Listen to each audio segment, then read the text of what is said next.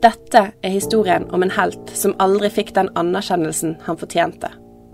Det er historien om et mystisk dødsfall og en familie som aldri fikk et ordentlig svar på hvordan eller hvorfor faren døde. Det er historien om en mann som brant for å hjelpe andre mennesker, men som aldri satte søkelyset på seg sjøl. Han som elsket dyr og stoppet lastebilen for å plukke opp byduen som hadde brukket vingen. Dette er historien om Einar Rasmussen. Han døde etter å ha blitt funnet drivende rundt i en båt utenfor kysten av Kragerø. I årene før han døde, kjempet han med seg sjøl. 30 år tidligere kjempet han for at vi alle kan være der vi er i dag.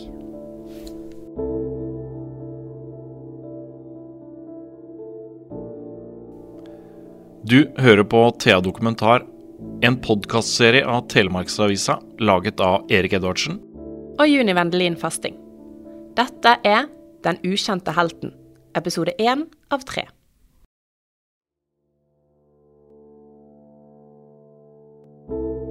Mandag 10.11.1975 skriver Einar Rasmussen en lapp.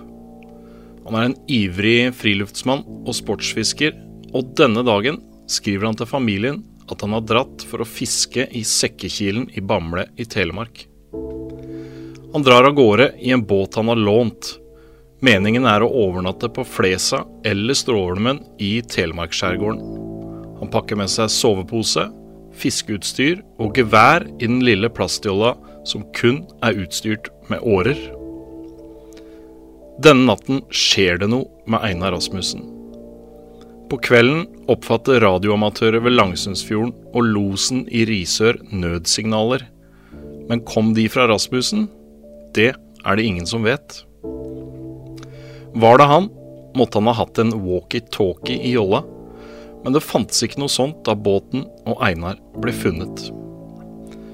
Tirsdag ved ellevetida ligger den 15 fots plastjolla og driver inne ved land ved Buholmen, ved Oterøy og Gomøy, midt mellom Kragerø og Jomfruland. En porsgrunnsmann er ute og fisker og får øye på en arm som vinker over båtripa. Fiskeren finner Rasmussen i sterkt forkommen tilstand, liggende i bunn av båten. Fiskeren får brakt ham til land på Valle i Bamble. Derfra blir han fraktet i all hast i ambulanse til sykehuset i Porsgrunn. Einar Rasmussen dør kort tid seinere, 59 år gammel. Igjen sitter kone og to voksne sønner. Dagen etter dødsfallet skrev Telemark Arbeiderblad på alle måter var Einar Rasmussen en respektert og meget godt likt kar. Han var en åpen og grei mann som bestandig ble godt likt av mennesker han kom i kontakt med. Men hvorfor og hvordan døde Einar Rasmussen? Altså, fikk, jeg fikk jo en telefon eh, på eh, Buer barneskole. Fordi jeg var lærer på Mensen ungdomsskole og hadde gym på Buer. Så fikk, vi, eh, fikk, jeg en telefon. Rektor kom ut og, og orienterte meg om at uh, det var en beskjed uh, fra uh, presten Jan Helge Jansen, som gjerne ville snakke med meg. Og jeg tok telefonen og ante fred og ingen fare. Jeg tenkte ikke at noe kunne være gærent, på en måte, men jeg fikk jo beskjed om at min far var drukna. Og det Det kom jo som et sjokk. Stemmen du hører, er Tom Einar Rasmussen sin. Han er en av de to sønnene som satt igjen etter at Einar Rasmussen plutselig døde. Så jeg reiste jo hjem, og jeg, mor var i sjokk. Og vi lurte jo fælt på hva som skulle skje videre. Så kom jo Jansen på besøk. Han var forrettende prest og fortalte da at uh, min far, som vi visste hadde tatt en av sine vanlige turer ut til Bamlekysten for å fiske, og uh, at han uh, var aleine. Men at han hadde drukna, det, det, kunne vi liksom ikke skjønne, for han var jo god til å svømme, og han tok jo ingen store sjanser, egentlig, sånn som vi kjente han på den tida. Eh, men så, så, kom det liksom forskjellige beskjeder tilbake til familien da. Det første var jo at han hadde drukna. Det hadde han jo ikke. Og så kom jo beskjeden om at Han var død når de fant han i båten. Det stemte ikke. Eh, så kom beskjeden om at eh, han ble funnet av en fisker, lokal fisker, og brakt til land i Kragerø. Og at han var død når han kom til Kragerø. Det stemte ikke. Eh, Visstnok. I etterkant så så vi jo det. Eh, så fikk jeg ringte jeg til sykebilsjåfør Amundsen i Langesund. Fordi jeg vet at det var han som hadde henta min far da, i Kragerø. Og han sier at han døde da han kom til Heistad. Og så besøkte så reiste jo vi ut til St. Josef for å se, og da lå han jo der død, og vi fikk se på han. Og, og, tankene var jo ikke da så mye rundt akkurat hva som hadde skjedd, men at man var død. Det var jo liksom det verste. Men så viste det seg jo i etterkant at flere radioamatører hadde jo oppfatta signaler ute i Bamlekysten. Bamlekysten og, og, og, fagfolk i etterkant mente jo at uh, det var merkelig og påtagelig at ikke redningstjenesten hadde gått ut. For det gjorde de faktisk veldig seint. Det, de, det var jo ikke redningstjenesten som fant den heller.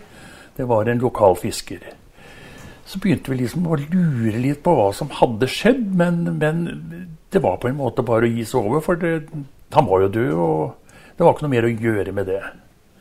Så, men så kom jo alle ettertankene etter hvert, da. Så, men så, så, skjedde jo det at uh, en god stund etter begravelsen så fikk vi en oppringning fra Kjell Ståle Eggen det kommer til å dukke opp eh, en del navn i denne podkasten. Vi kommer ikke til å forklare hvem alle er, men Kjell Ståhl Eggen er sentral, og det er greit å ha med seg litt av bakgrunnen hans før vi går videre. Kjell Ståhl Eggen var først og fremst en frilans eh, motstandsmann, og var fra høsten 1941 til mai 1945 redaktør for den illegale avisa Nyhetene. Sommeren 1943 lot han seg overtale til å formelt engasjere seg i Milorg, som leder for flyslipp og all aktiv sabotasje i Nedre Telemark.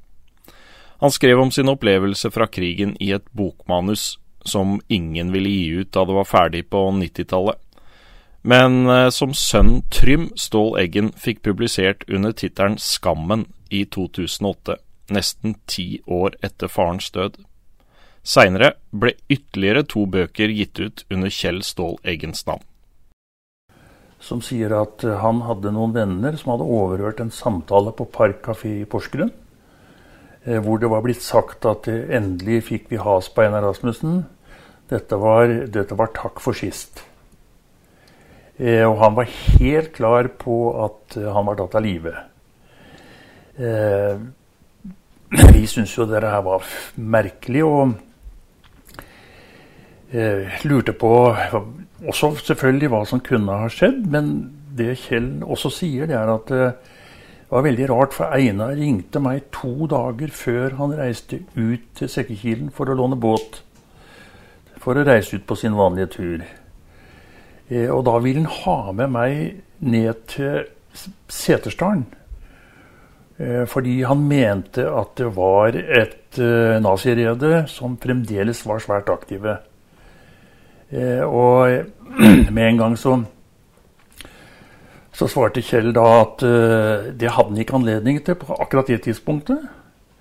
Men så skjedde altså det at han forulykka, min far da, forulykka bare noen dager etterpå, to-tre dager etterpå. Og sett i sammenheng med det og den informasjonen som Kjell ga i forhold til hva hans bekjente hadde overhørt på Parkafeen i Porsgrunn, så ble jo vi da ganske forundra. Og, og, kanskje litt mistenkelige. Så øh, vi snakka litt om Terje og jeg. Vi fikk jo navn, selvfølgelig. Og dette var jo kjente navn. Men uh, vi hadde jo ingen beviser, så min bror Terje, da, han han var noen ganger opptatt av om vi rett og slett skulle oppsøke det miljøet. Eh, men eh, vi blei enige om til slutt at det var for risikabelt, og det, det hadde ingen hensikt, egentlig. Jan Helge Jansen. Du hørte Tom Einar nevne navnet hans eh, litt tidligere her. Han var presten som hadde Einar Rasmussen sin begravelse. Hva husker han om den ukjente helten? Ja, jeg hadde den begravelsen. Jeg fikk vite det at han var jo motstandsmann under krigen, gjorde en god innsats der. Og det nevnte jeg i talen òg. Husker du, husker du noe fra denne begravelsen, eller? Nei, det var masse folk der. Ja, mer enn vanlig. Tom har båret med seg farens historie hele livet. Nå har 76-åringen bestemt seg for å fortelle. Thea Dokumentar sitter hjemme i stuen hans på Bølehøgda i Skien. Konen har satt frem lefser, vannbakkels, wienerbrød, druer og peanøtter. Tom skjenker kaffe og setter seg til rette i godstolen. Han har gruet seg til denne praten. Men han vet at han må fortelle. Ikke minst for sin egen skyld. Det er på tide at farens historie blir hørt. Han var jo en helt alminnelig gutt som var født og oppvokst i Follestad. Eh, hans farfar var los i Skien, og de, jeg tror de levde bra. Eh, men eh, han fikk en far som ble arbeidsløs, og som nok var alkoholiker. Ikke nok, han var alkoholiker. I oppveksten så, så, tror jeg han sleit fælt fordi han hadde astma som ung. Og min farfar hadde, nei, min oldefar hadde jo drivgarnsfiskerett i Klosterfossen. Eh, og min far måtte ro det drivgarnet. Det var ganske tøft å ro i Klosterfossen i all slags vær med astma. Så han sleit fælt. Og siden min, min bestemor døde i alder av 40 år av lungekreft, så han ble aleine med sin far, som var ganske Han tok seg ikke særlig godt av sønnen sin, for å si det sånn. Han fikk ikke noe god oppvekst og trygg oppvekst. Så han, han måtte ut og jobbe. Og han fortalte sjøl at det var så dårlig på den tida at de, han ble beordra av faren sin ut til å stjele ved for å kunne klare å få varmen i huset. Eh, jeg vet ikke om det er tilfellet, men eh, det har blitt meg fortalt. Men eh, han kom nå ut av det, faren min, på en måte. Eh, og eh, vokste seg sterk. Det var ei sterk slekt på den Rasmussen-familien. Det var svære karer. og det, Jeg husker en onkel av min far. Han var, han, han veide Han var to meter og veide 116 kg da han så til konfirmasjon. Og det ble, det ble sagt at han var med i Menstadslaget og tok igjen politimann i hver hand og i hver arm og dro de mot hverandre. Men, men det er sånne eventyrhistorier. Men, men det sier litt om den slekta. da. Det var jo stor arbeidsledighet på den tida. Vi hadde jo Herøya-konflikten, Menstad, Skottfoss, ikke sant. Og kommunistpartiet hadde faktisk altså 25% av stemmene i 1925. Og han vokste jo opp. Han var 16, han ble født i 1916 så mista jo kommunistene veldig, veldig mye stemmer. Men iallfall i 1945 så hadde jo faktisk eh, kommunistene tolv representanter i Skien bystyre. Det var ganske stort, og det var jo pga. at de ble, ble vel ansett fordi de hadde gjort en stor innsats under krigen. Min far var aldri eh, politisk aktiv, men han sympatiserte med kommunistene. Og han var jo en organisator og det var vel eh, årsaken til at han eh, Ja, han, han, han drev og organiserte ungdom rundt Skiens ballklubb. Og fikk jo etter hvert i livet veldig mange lederverv i, i den klubben. Men det at han organiserte ungdom, arbeidsløs ungdom i forskjellige idrettsaktiviteter, og at han hadde et, en kort tid på rekruttskole og en kort tid til sjøs, gjorde at han eh, på en måte utvikla et slags eh, organisasjonstalent, tror jeg. Så kommer andre verdenskrig. Livet til Einar og alle andre i Norge blir snudd på hodet. Einar Rasmussen er rask med å ta en rolle i kampen mot okkupasjonsmakten. Han nekter å sitte stille. Han vil kjempe for landet sitt. De starta, Jeg er litt usikker på om de allerede starta denne gruppa her i høsten før, eller om det var vinteren 41. Det har jeg ikke klart å dokumentere. Men ut ifra muntlige kilder så er det helt opplagt at de allerede i 1940, etter at de hadde satt i gang med illegale aviser, var i gang med å forberede en aktiv motstandscelle som skulle bekjempe okkupanten. Og påvirka de politiske strømningene den gangen, som var veldig orientert mot eh, kommunismen og ikke sant, Sovjet og, og, og det her, så, så, ble det en fascinasjon for det som førte til at uh, i det miljøet så, så, klarte de å skape en bevegelse uh, som veldig tidlig, og på, på, til tross for at NKP, kommunistene, var både i Grenland og i, i, i sentralt, var eh, uenige om når de skulle begynne den aktive motstanden, så, så starta de eh, uten veldig eh, politisk tilhørighet tidlig med å, å, utgi illegale aviser. Der var ikke min far eh, av de fremste, ikke i det hele tatt, men han var med i det miljøet rundt Ole Rokstad og, og en del av de andre kjente personene som var aktive kommunister på den tida. Så, men, men, han var jo veldig opptatt av å yte motstand mot okkupanten. Der, eh, han hadde et demokratisk og nasjonalt sinnelag som slo tydelig ut her, og, og de ville tidlig i gang med å lage motstandsgruppe. Eh, motstandsgruppe, motstandscelle i Skien. Og det gjorde de jo. Den spredde seg rundt, rundt ti Telemark og var veldig sterk i Skafsådalen-området også. I Skien så utførte de jo mange aksjoner som ikke er nevnt noe sted. Eh, det er nevnt i Solum historielags jubileumsbok for eh, 1919, tror jeg det var. Nei, 2019. Men eh, det er jo et eh, kapittel som Morten Mugre og jeg har skrevet på bakgrunn av et intervju med min onkel, som også var aktiv med i denne gruppa som heller ikke var kommunist, men som var aktivt med i den tidlige motstandsgruppa som bygde seg opp i Skien. Og de foretok jo mange aksjoner. De foretok innbrudd for å skaffe penger til motstandsarbeidet. De eh, sprengte to båter på havna. Én båt på havna i Skien, Haparanda, og en Og Hva het den, den andre igjen? I Porsgrunn. Jeg husker ikke akkurat i farta. De sprengte jo skipskrana på Porsgrunn Mek.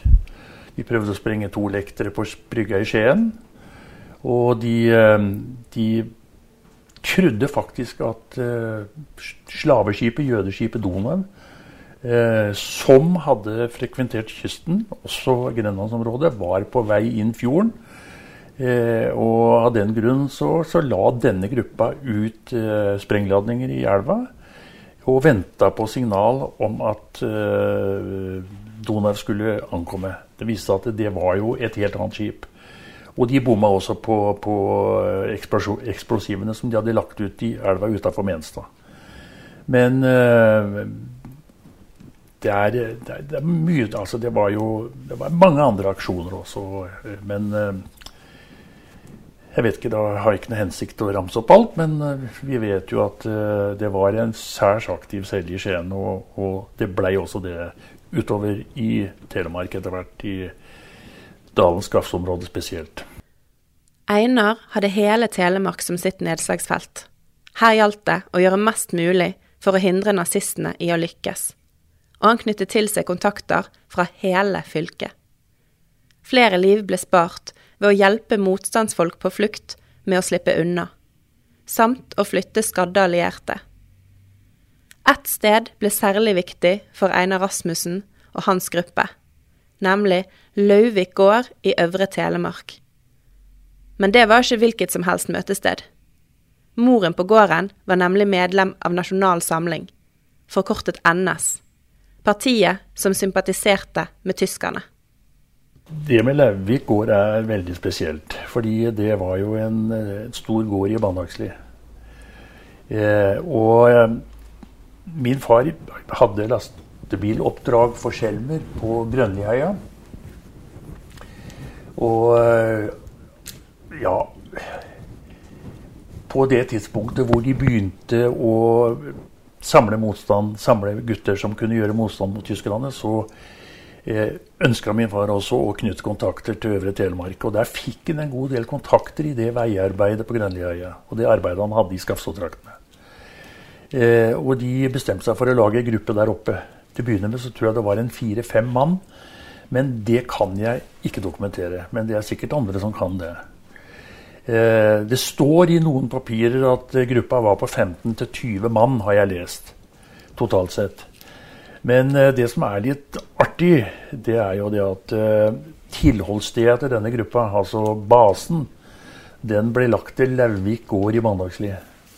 Og Christian Lauvik var jo en kjempekar. Motstandsmann. Aktiv i gruppa til min far, sammen med flere andre Skafstad-gutter. Men hans mor ble på en måte manipulert, eller lurt inn, som, til å stemme NS. Eh, hvor det er, det er, veldig usikkert eh, hvor mye Altså hvor mye hun kjente til av hva NS sto for. Men hun ble medlem av NS, og det var hun som eide gården.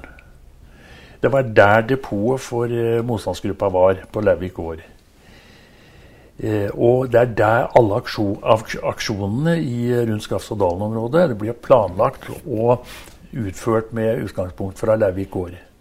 Og, hadde, og Lauvik gård hadde jo stadig besøk av tyske soldater. Fordi siden Signe Lauvik da var et medlem av NS, så regna de med at her var de på trygg grunn, og her kunne de, her kunne de ha sine møter og, og, og sine samtaler og pleie sine kontakter i, i det norske NS-miljøet. Eh, det var, det var, jo akkurat derfor det var så trygt å ha en base på denne gården her. Eh, og det som jo er også spesielt, det er at eh, Signe Leivik, mor til Christian, blir jo etter krigen arrestert som NS-medlem. men min far bevitna at hun hadde dekket over denne motstandsgruppa på Leivik gård under hele krigen og visste hva vi holdt på med. Og dermed så blei hun frikjent og ikke tillagt eh, NS-sympatier overhodet. Og det brevet har jeg jo kopi av. Hvorfor blir du så rørt når du forteller om det? Nei, det kan du si. Det er liksom eh, Det er det vet jeg ikke. Jeg vet ikke. Det er liksom eh, Det er, eh, sånn, det er, det er nesten utrolig. Det er det. Men det er eh, Og derfor så Du kan si det er vel en sånn En slags bitterhet over at dette er jo ganske spesielle episoder. Ikke har vært nevnt i, i krigshistorien i det hele tatt. Selv om ikke det er noe altså det, er, det er jo ganske Om ikke annet en ganske artig og spennende historie. Det er vanskelig for Tom Einar å prate om farens innsats under krigen uten at stemmen brister. Han er så inderlig stolt av pappaen sin, men føler at Norge aldri har anerkjent den innsatsen han gjorde, på rettferdig vis. Kommunistene ble ikke heiet og løftet fram slik andre motstandsfolk ble da krigen tok slutt. De fikk ikke de samme medaljene. Var en kamp å skaffe krigspensjon. Ofte ble de utelatt fra historiebøkene. Det var tøft for Einar, og det er kanskje enda tøffere for sønnen Tom Einar den dag i dag.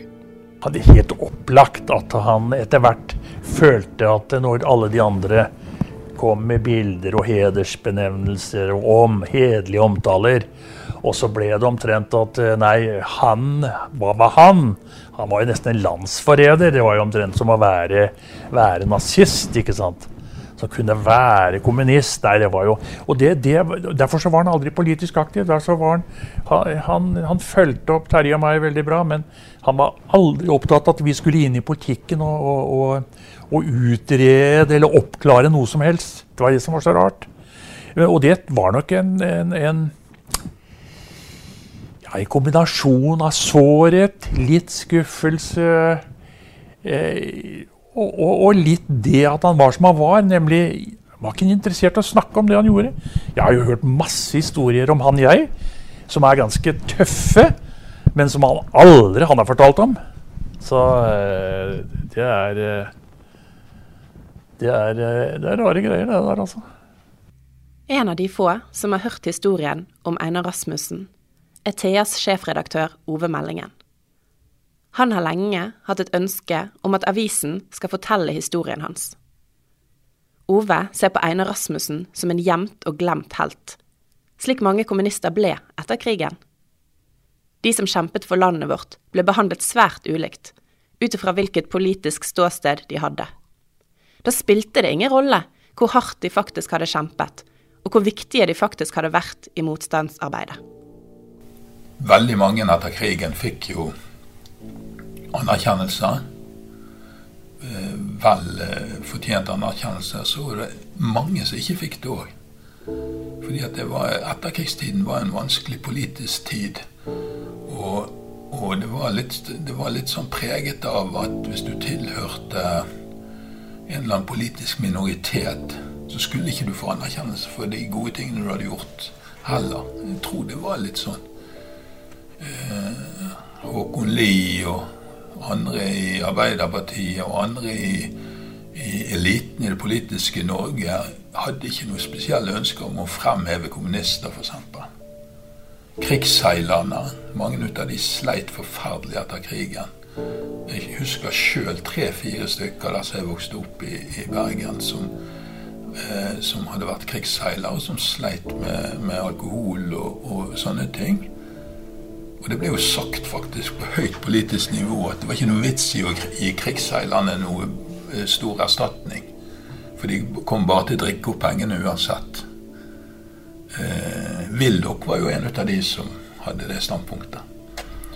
Eh, og kommunistene de ble uglesett helt ifra denne eh, Kråkerøy-talen til Gerhardsen på slutten av 40-tallet. Da var kommunister egentlig statsfiender. Men sannheten var jo at kommunistene og krigsseilerne var helt avgjørende for ut, uh, utgangen ut av an, andre verdenskrig.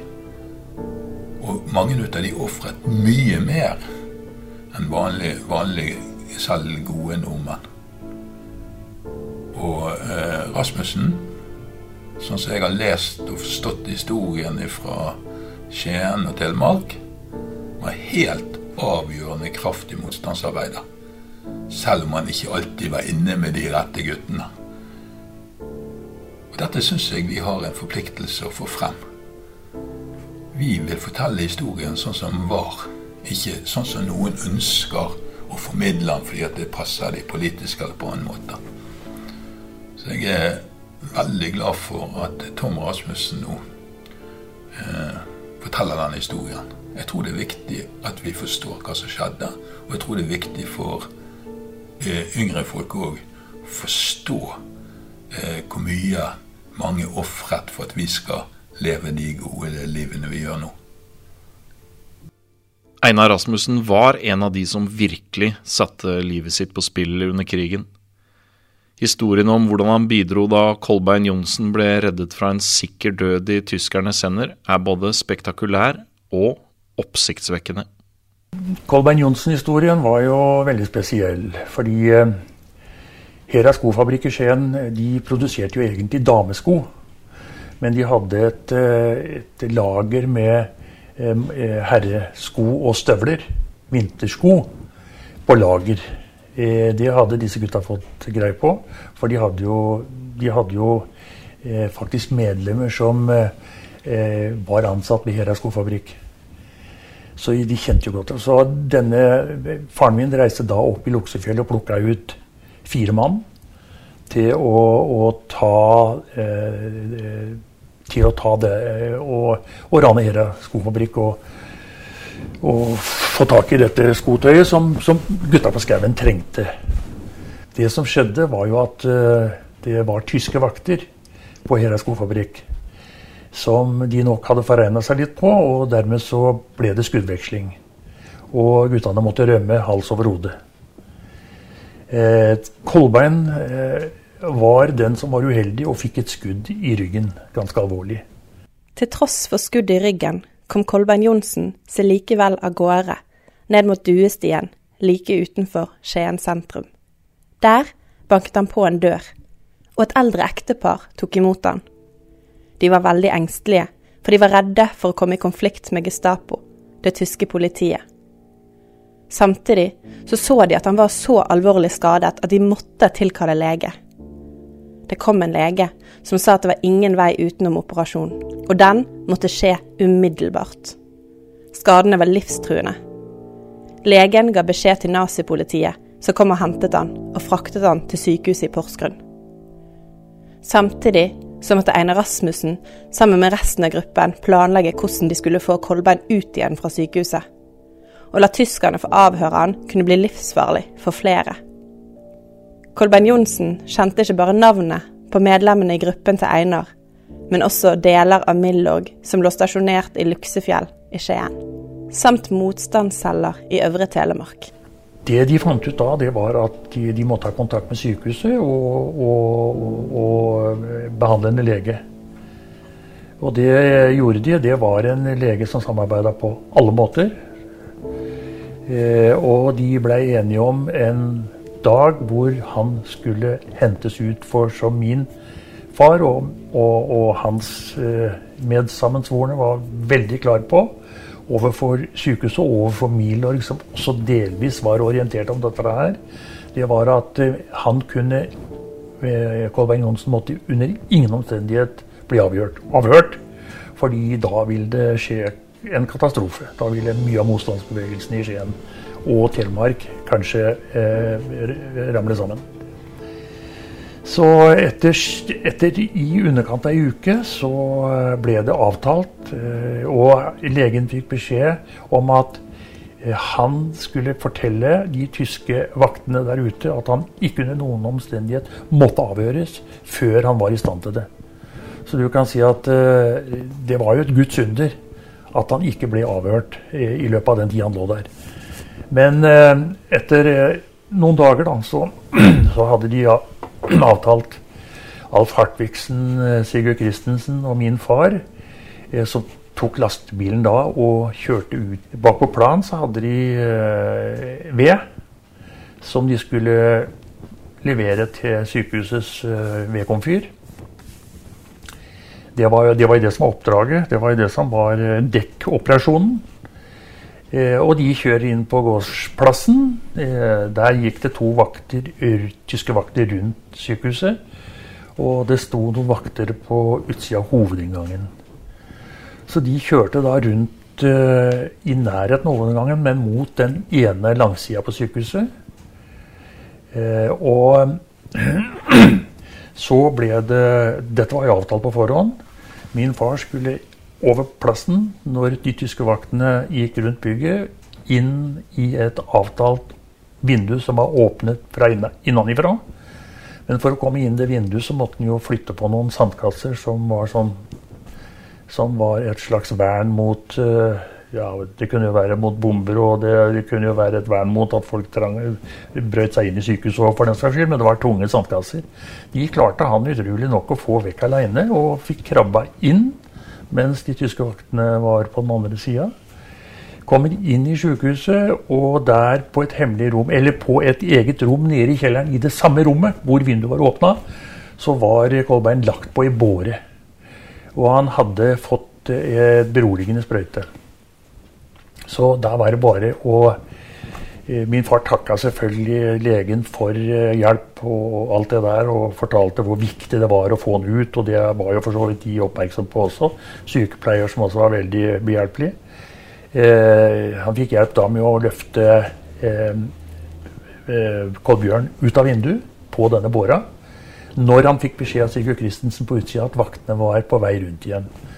Da kommer Sigve bort, og sammen med min far da, så bærer de båra bort og legger den på lasteplanet under, eh, under et presenning. Der hvor de hadde hatt veden, som da var eh, lasta av, selvfølgelig. Eh, så skjedde jo det katastrofale. Det var jo at bilen starta jo ikke. Den var i en knottgenerator. Og det var jo, det var jo som å ta at, som å ta, ta, det ut av en spenningsfilm, nesten. Men da um, kommer de tyske vaktene, skjønte jo at det var noe på gang, og, og kom bort og gestikulerte og lurte på om de skulle hjelpe. Eh, og det gjorde de. Og hva de gjorde i detalj, det vet jeg ikke, men bilen starta. Og, og de stotra fram på dårlig tysk. Se danke, se danke, og farvel. Og kjørte av gårde. Operasjonen var vellykka. Og Kolbein Johnsen ble kjørt til dekkleilighet, eh, mener jeg, i Gjerpensdalen.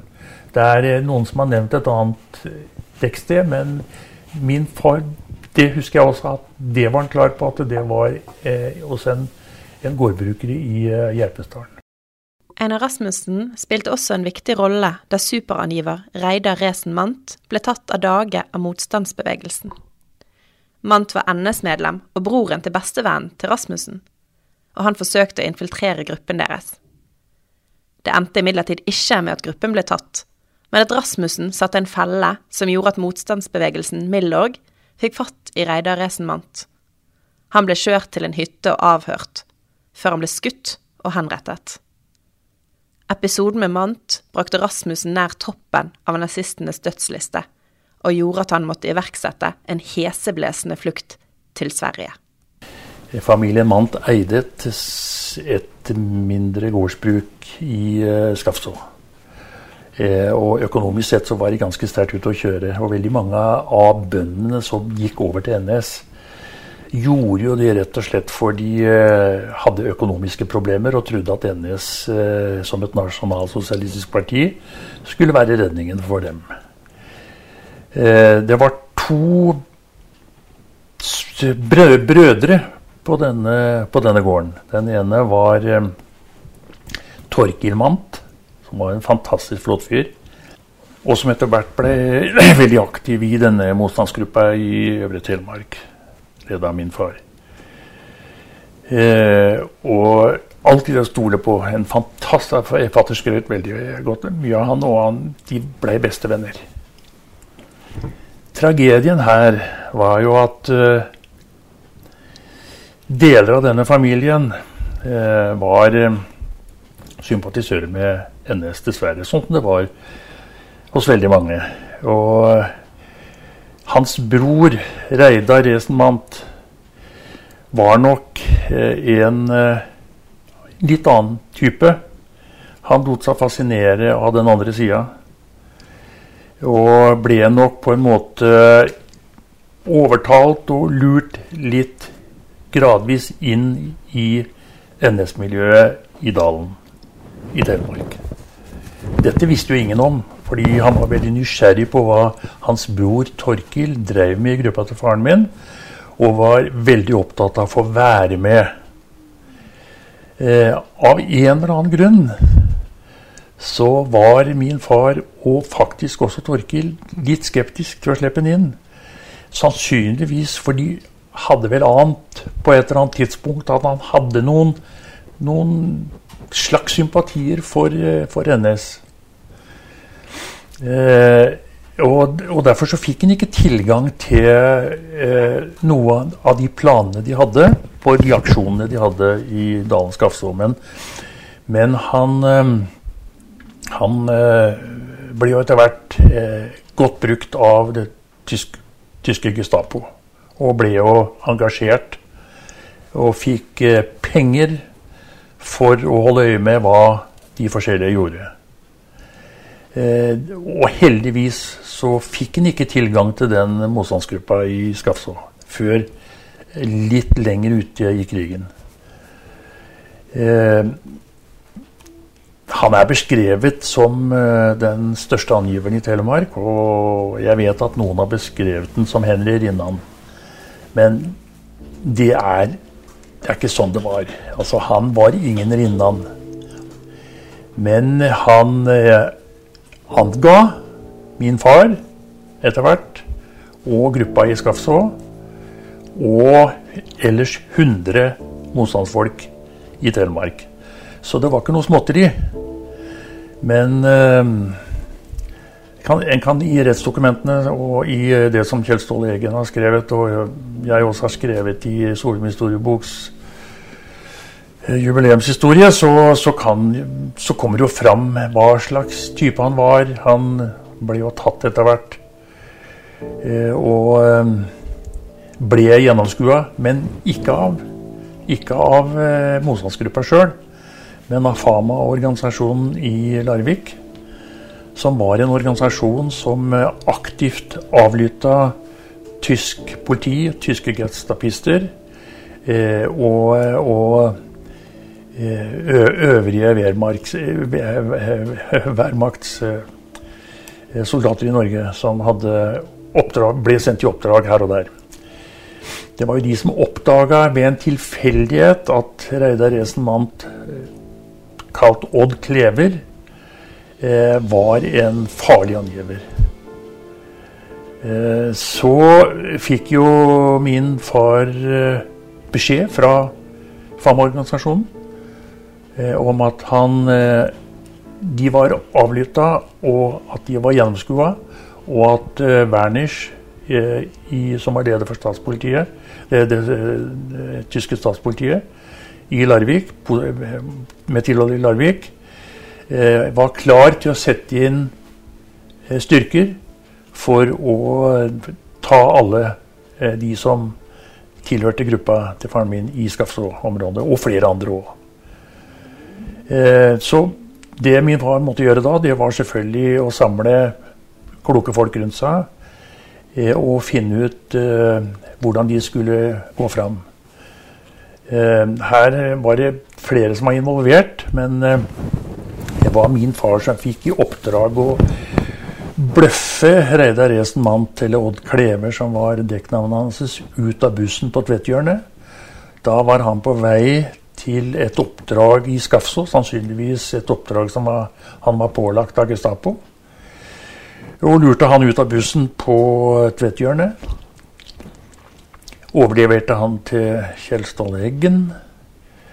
Hvorpå han blir satt i en drosje og kjørt til eh, en leir i Luksfjelltraktene. Jeg vet jo hvor. Jeg vet jo også at Gregers Gram, som var en kjent sabotør i Oslo på den tida Han ble for øvrig skutt i, et, uh, i kamp med tyskerne bare noen uker etterpå. I Oslo, da han kom tilbake. Men han kom hit for å avhøre Resen Mant.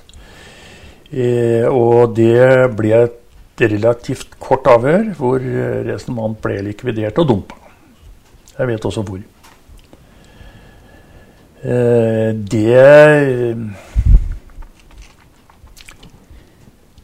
Det var nok en av de tingene som gikk veldig inn på faren min, siden det var broren til hans beste venn. Det de måtte gjøre da Faren min måtte jo reise først og fremst rett opp til Skafså for å advare alle som var involvert der oppe. Og deretter så måtte de legge fluktplaner. Han måtte ut av landet, rett og slett. Og, og da fikk han veldig god hjelp av en lege som het Hasse Abel, som var sambandsoffiser i, i Milorg, DK17. Eh, og de, han måtte ta med mora mi, som, som han var forlova med da, men som eh, var jo involvert. For eh, min, far, min morfar ble jo arrestert på det tidspunktet og sendt til eh, Grini. Og min onkel ble arrestert. Og eh, min mor og far måtte reise i en dekkleilighet på Narestø, faktisk. Hvor de var halvannen uke før de eh, fikk ordre om å reise tilbake til Skien. Eller fikk klarsignal på å reise tilbake til Skien. Eh, og det gjorde de da. Reiste til Skien og tok umiddelbart toget fra Skien videre om Noragutu og til Oslo. Og den spesielle episoden som skjedde da, har jeg lyst til å fortelle fordi eh, den fortalte min mor meg mange ganger, så den, den husker jeg rimelig godt. Fordi has, visste, alle togene var jo, var tyske soldater på alle tog. Eh, og det var også en tysk soldatgjeng som satt eh, midt i toget her, som de tok fra eh, Nylandet til Nordagutu. Eh, og både min far og min mor og Hasse Abel var jo bevæpna. Og satt jo eh, langst, lengst framme i toget. Eh, og når de var kommet altså de var før de, lenge før de kom til Nordagutu, det var antageligvis bare passert eh, Venstøp. Hva vet jeg? Jeg vet ikke hvor, men episoden er iallfall sånn at eh, min far ble nysgjerrig på hvor tyskerne satt, og ville gjerne ta en, et lite gjennomsyn for å forsikre seg om at de satt der de skulle. Og, og, bli, og fikk klar advarsel av Sabel at det må du fanden ikke gjøre. Det, det må du ikke gjøre, Einar. Han gjorde det likevel, selvfølgelig. Han var sta sånn. Eh, og blir borte i en kvarter av 20 minutter. Og da sier Hasabel til min mor at eh, herregud, jeg, jeg, må gå og se.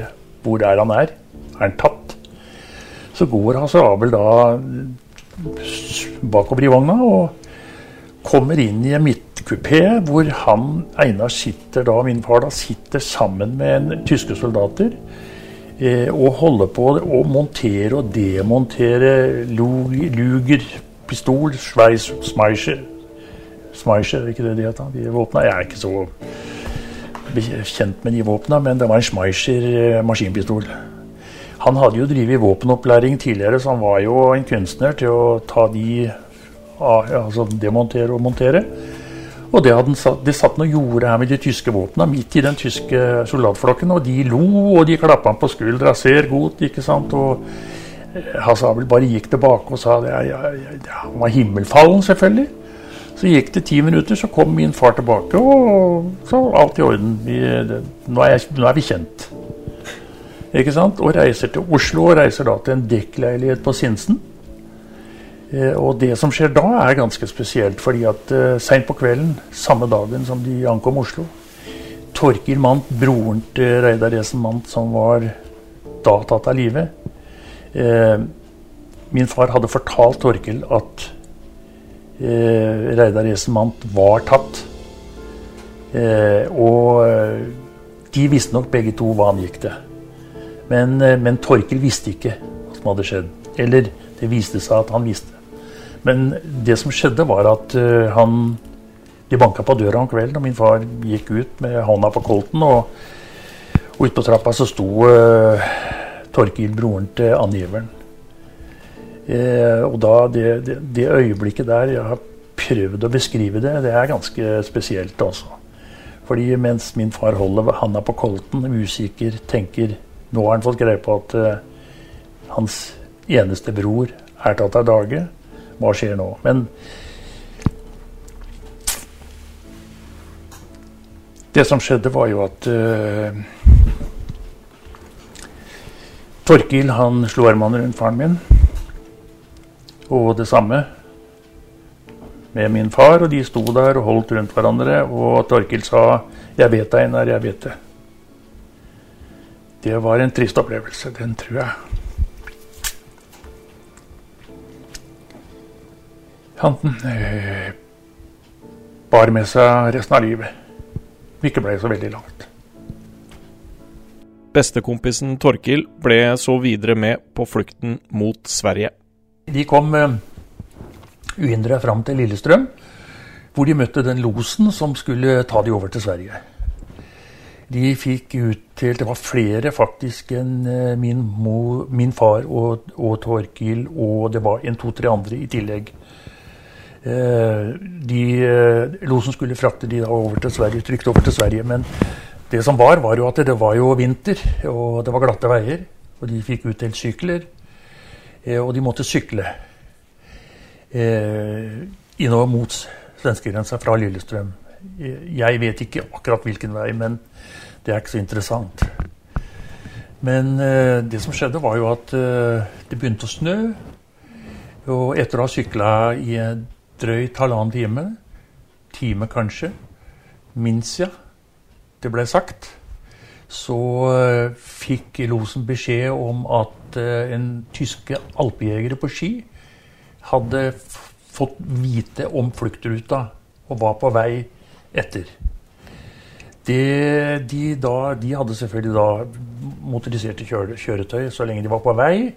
Men det var altså et uh, tysk uh, skiløperkompani som ble kalt Litt artig alpejegere ble de visstnok kalt.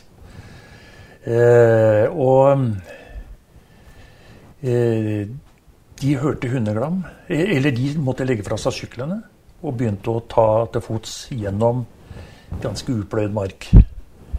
Masse små og store innsjøer eller skogstjern, vann, myrer, eh, tett skogsterreng. Og gikk i time etter time. Eh, og hørte faktisk eh, hundeglam bak seg.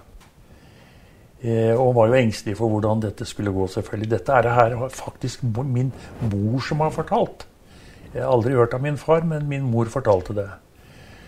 Så etter hvert så ble min mor så sliten at hun hun orka ikke. Hun ble vel delvis båret og, og, og støtta av min far, men eh, til slutt så kom de fram til et tømmerrenne. Og den måtte de over, og det var ganske problematisk. Da sier min mor at 'jeg orker ikke mer, Einar'. Dere får forlate meg her. Det går sikkert greit med meg. Jeg har ikke noe å skjule. Eh, reis videre. Nei, det, det kommer jo ikke på tale, selvfølgelig. Så min, eh, min far han fikk Kanskje med hjelp, det vet jeg ikke, men min mor fortalte at eh, han bar meg over den tømmerrenna.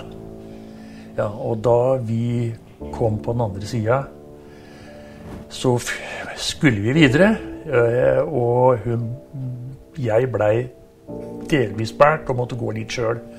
Og etter å ha gått i 20 minutter, så kom de til Koie. Og der var det faktisk svenske grensevakter som hadde tilhold.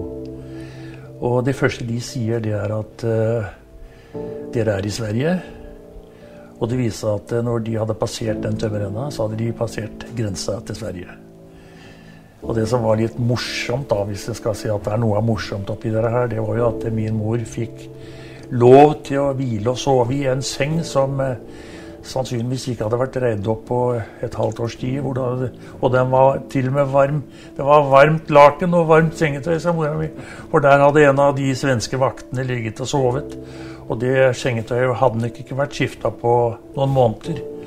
Så det, det huska jeg, men hun huska også at hun klarte å, å sovne. ja, så var det videre, da. Til, fra denne leiren så kom de inn til Kjeseter, og der ble de jo godkjent. Eh, min far, han eh, fikk to måneders eh, fartstid på, på forsvarsattachéens kontor i Stockholm. Mens min mor hun fikk reise til sin familie i Stockholm. Dette kan høres ut som en lykkelig slutt, men det var ikke så enkelt. Einar Rasmussen var straks tilbake i motstandsarbeidet. Han ble en del av Kompani Linge, men det var det ikke alle som likte. I neste episode får dere bl.a. høre om kvelden Einar Rasmussen nesten ble drept. Ikke av nazistene, men av en av sine egne.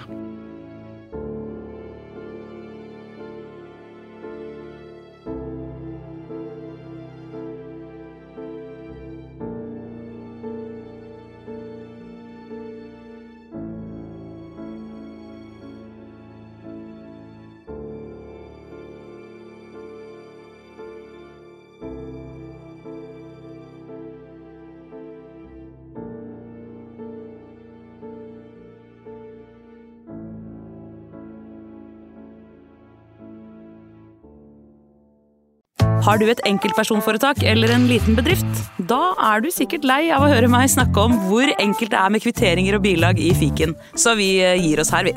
Fordi vi liker enkelt. Fiken superenkelt regnskap.